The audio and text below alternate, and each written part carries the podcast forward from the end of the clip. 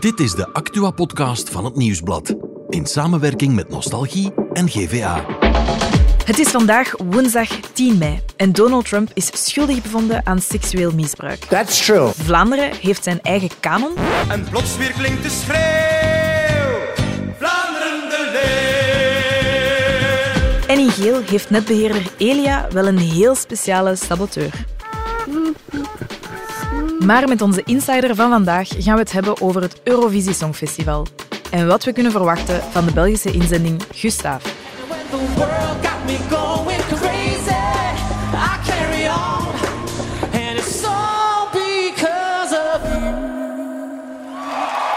Mijn naam is Laurent Stork en dit is de Insider.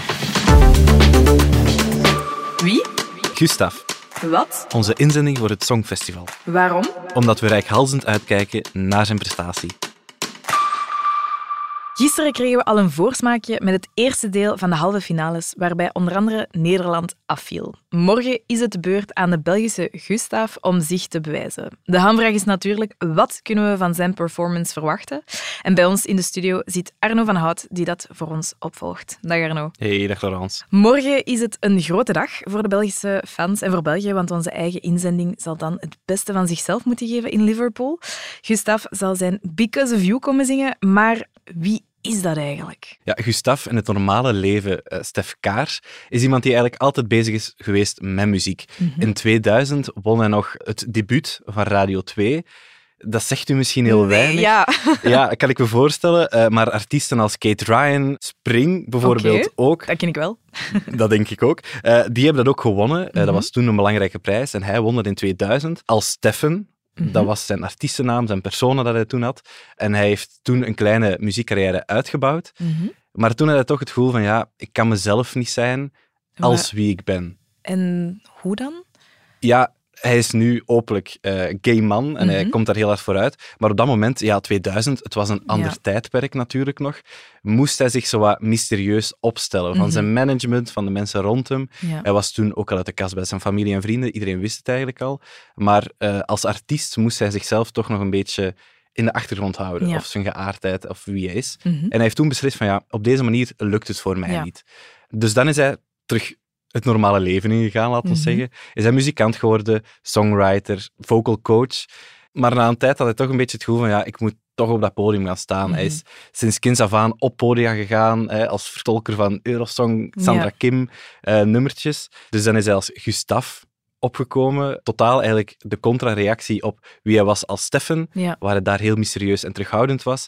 Ja, is Gustav open en bloot, kunnen we bijna Grandioos, zeggen. ja. Grandioos, meteen helemaal zichzelf. Mhm. En heeft hij zo het podium bestormd, zowel als zichzelf als onderdeel van Hercules en Love Affair.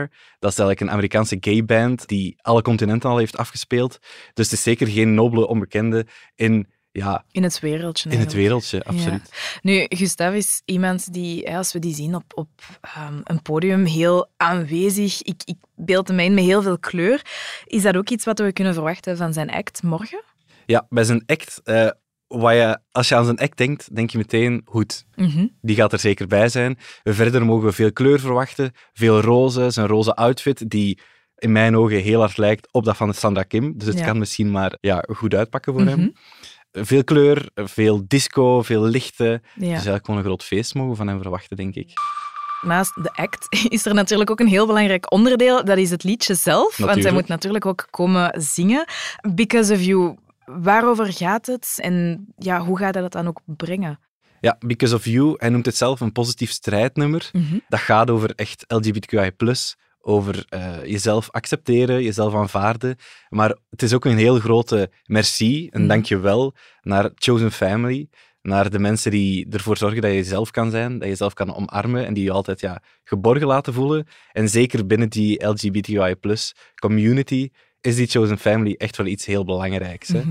Vandaar dan ook misschien Because of You. Dankzij jullie kan ik zijn wie ik ben. Ja, bij de U is het echt de Chosen Family. Arno, dat wil dus zeggen dat we al weten eigenlijk wie de directe concurrentie zal zijn van Gustav. Op Mhm. zaterdag, als hij er morgen door is natuurlijk. Wat weten we van die concurrentie? Ja, gisteren zijn eigenlijk alle sterke landen geweest. Hè. Je hebt daar Finland die bovenaan staat, Israël en natuurlijk Zweden. Mhm. Zweden stuurt Eurovision Royalty, Ja. stuurt Loreen, die we allemaal nog wel kennen van 2012 toen ze Euphoria bracht en Ik heb daarmee meteen won. zin om het te zingen.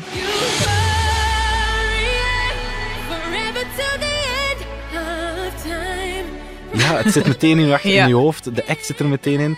En die doet terug mee dit jaar. Met alweer een goed nummer. Mhm. Ja. Iets minder sterk dan Euphoria zelf. Maar ja, ze staat als favoriet bovenaan.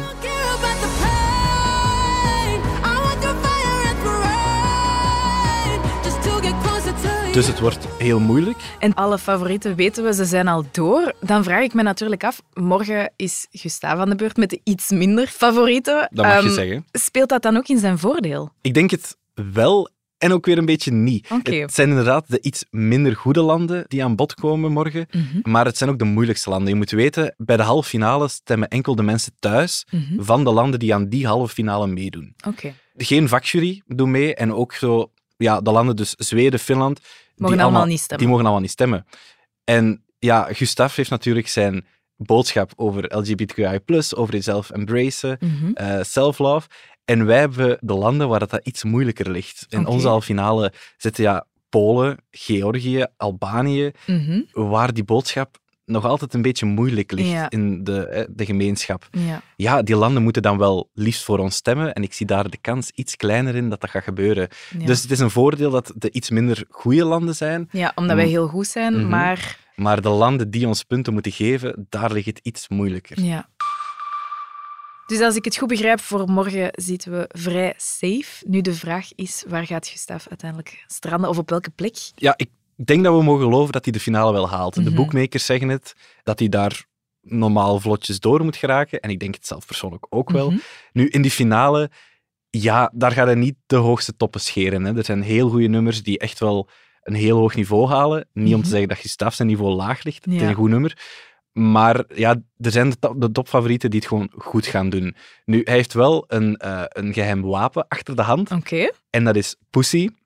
De lach is terecht, eh, maar Pussy is een Amerikaanse folk-danseres die speciaal is overgevlogen. Ja, voging is een soort dansstijl, heel leuke dansstijl, waar eh, dat gebaseerd is op ja, de posing die, Mhm. die in de boekjes wordt gedaan. Ja. Eh, maar dat is heel excentriek en heel fijn om naar te kijken. Het is Ja. heel indrukwekkend. Mensen springen in de lucht, gaan op de knieën Ja. en, en ja, durven zichzelf echt te smijten. En ja, om die mee te nemen is heel slim geweest, Mhm. want voor het eerst mogen ook landen uit Europa meestemmen. Ja. Wat dat wil zeggen, de fanbase in Amerika kan ook voor het eerst meestemmen Ja. op onze finalisten. En dat kan echt een goed geheim wapen zijn, dat hij op het einde van de act nog wel eens erin kan gooien. ja. En waar we onze hoop wel een beetje op mogen vestigen. Oké, ik ben benieuwd of dat het eh, geheim wapen dan voldoende zal zijn. Het is trouwens morgen allemaal live te volgen op de website van het Nieuwsblad. Dankjewel, Arno. Alsjeblieft. Er is natuurlijk ook nog ander nieuws vandaag en daarvoor gaan we naar onze producer Joni. Dag Joni. Hey Laurence. Er is van alles aan de gang met Donald Trump. Die is veroordeeld voor seksueel misbruik. Nu vraag ik me af, wat is zijn straf? Ja, hij krijgt geen gevangenisstraf, want de feiten zijn strafrechtelijk verjaard. Wel 2 miljoen euro boete voor seksueel misbruik en daarbovenop nog 3 miljoen voor smaad. Want hij heeft zijn slachtoffer, E. Jean Carroll, beschuldigd van leugens op sociale media. Ze zou dat allemaal verzonnen hebben om de verkoop van haar boeken te promoten en om hem politiek te beschadigen. Maar ook daarvoor is hij dus veroordeeld. Ja, het zijn hoge sommen. Nu, hoe reageert hij daar zelf op? ja, op een heel Trumpiaanse manier. Hij noemt het een oneerlijk proces, een schande, een heksenjacht. En hij gaat dus met andere woorden in beroep tegen de uitspraak. Ik ben benieuwd wat dat gaat geven. Er is ook nieuws uit Vlaanderen, want Vlaanderen heeft een eigen kanon. Ja, een kanon, voor de mensen die dat niet kennen, dat is een lijst met begrippen en gebeurtenissen die Vlaanderen vormgegeven hebben. Het is eigenlijk al een lange tijd dat dat eraan zat te komen. Vier jaar geleden is bekendgemaakt dat het er ging komen. Een half jaar geleden had het er moeten zijn, maar nu is het er eindelijk. Oké, en wat staat er dan allemaal in? Klassieke verhalen en begrippen, zoals Heban Ola Vogela, die eerste zin in het Nederlands Ja. genoteerd, Reinaard de Vos, de beeldenstorm, maar ook bijvoorbeeld een van de vele heksen die op de brandstapel beland is, Katelijne van den Bulke. Maar ook minder voor de hand liggende zaken, zoals de Franstalige kunstenaar Jacques Brel, die noemde zichzelf een Franstalige Vlaming. De pil, een Vlaamse uitvinding. Oké. Rock Werchter kennen we ook allemaal, Ja. denk ik. En dan het homohuwelijk. Er is ook nieuws uit de regio, eigenlijk ook wel wat grappig nieuws. Ja, Uit regio Geel. Ja. Elia, dat is de netbeheerder, die versterkt daar hoogspanningskabels tussen Massenhoven en Maasijk en die worden tegengewerkt door bevers. Oké. Kranen zakken daardoor het moeras, doordat het veel te nat is door die dammen die die bouwen enzovoort. Dus die moeten nu extra maatregelen nemen tegen die bevers, zonder die bevers hun natuurlijk habitat te verstoren. Oké, ik ben benieuwd hoe dat, dat gaat aflopen. Dankjewel, Joni. Morgen zijn we er weer met de Insider.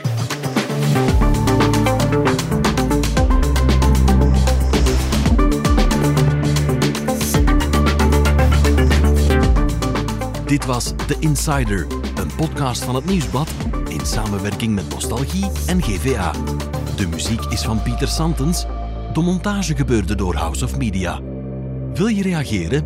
Mail naar podcast.nieuwsblad.be.